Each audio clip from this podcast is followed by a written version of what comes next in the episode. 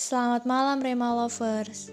Renungan kita untuk malam ini berjudul Setia dalam Kebaikan.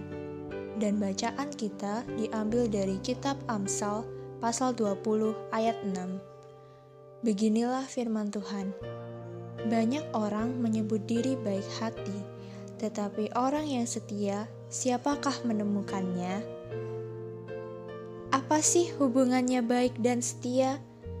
Tentu, setiap kita pernah melakukan perbuatan baik, entah itu memberi dan berbagi makanan, meminjamkan barang, memaafkan, mengingatkan teman yang salah, dan lain-lain.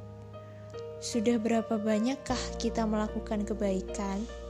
Sampai harus berapa kali juga perbuatan baik itu kita lakukan?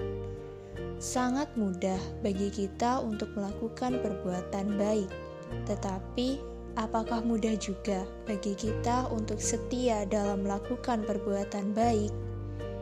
Inilah tugas kita sebagai orang baik.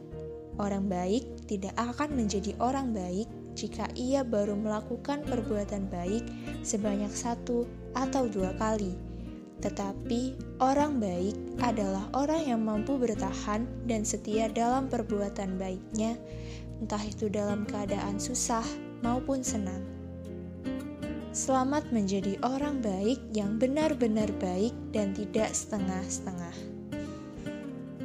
Rema Lovers, Jadilah orang yang baik yang akan selalu berbuat baik sekalipun tidak diakui dan diketahui, karena tidak ada orang baik yang mengaku dirinya baik.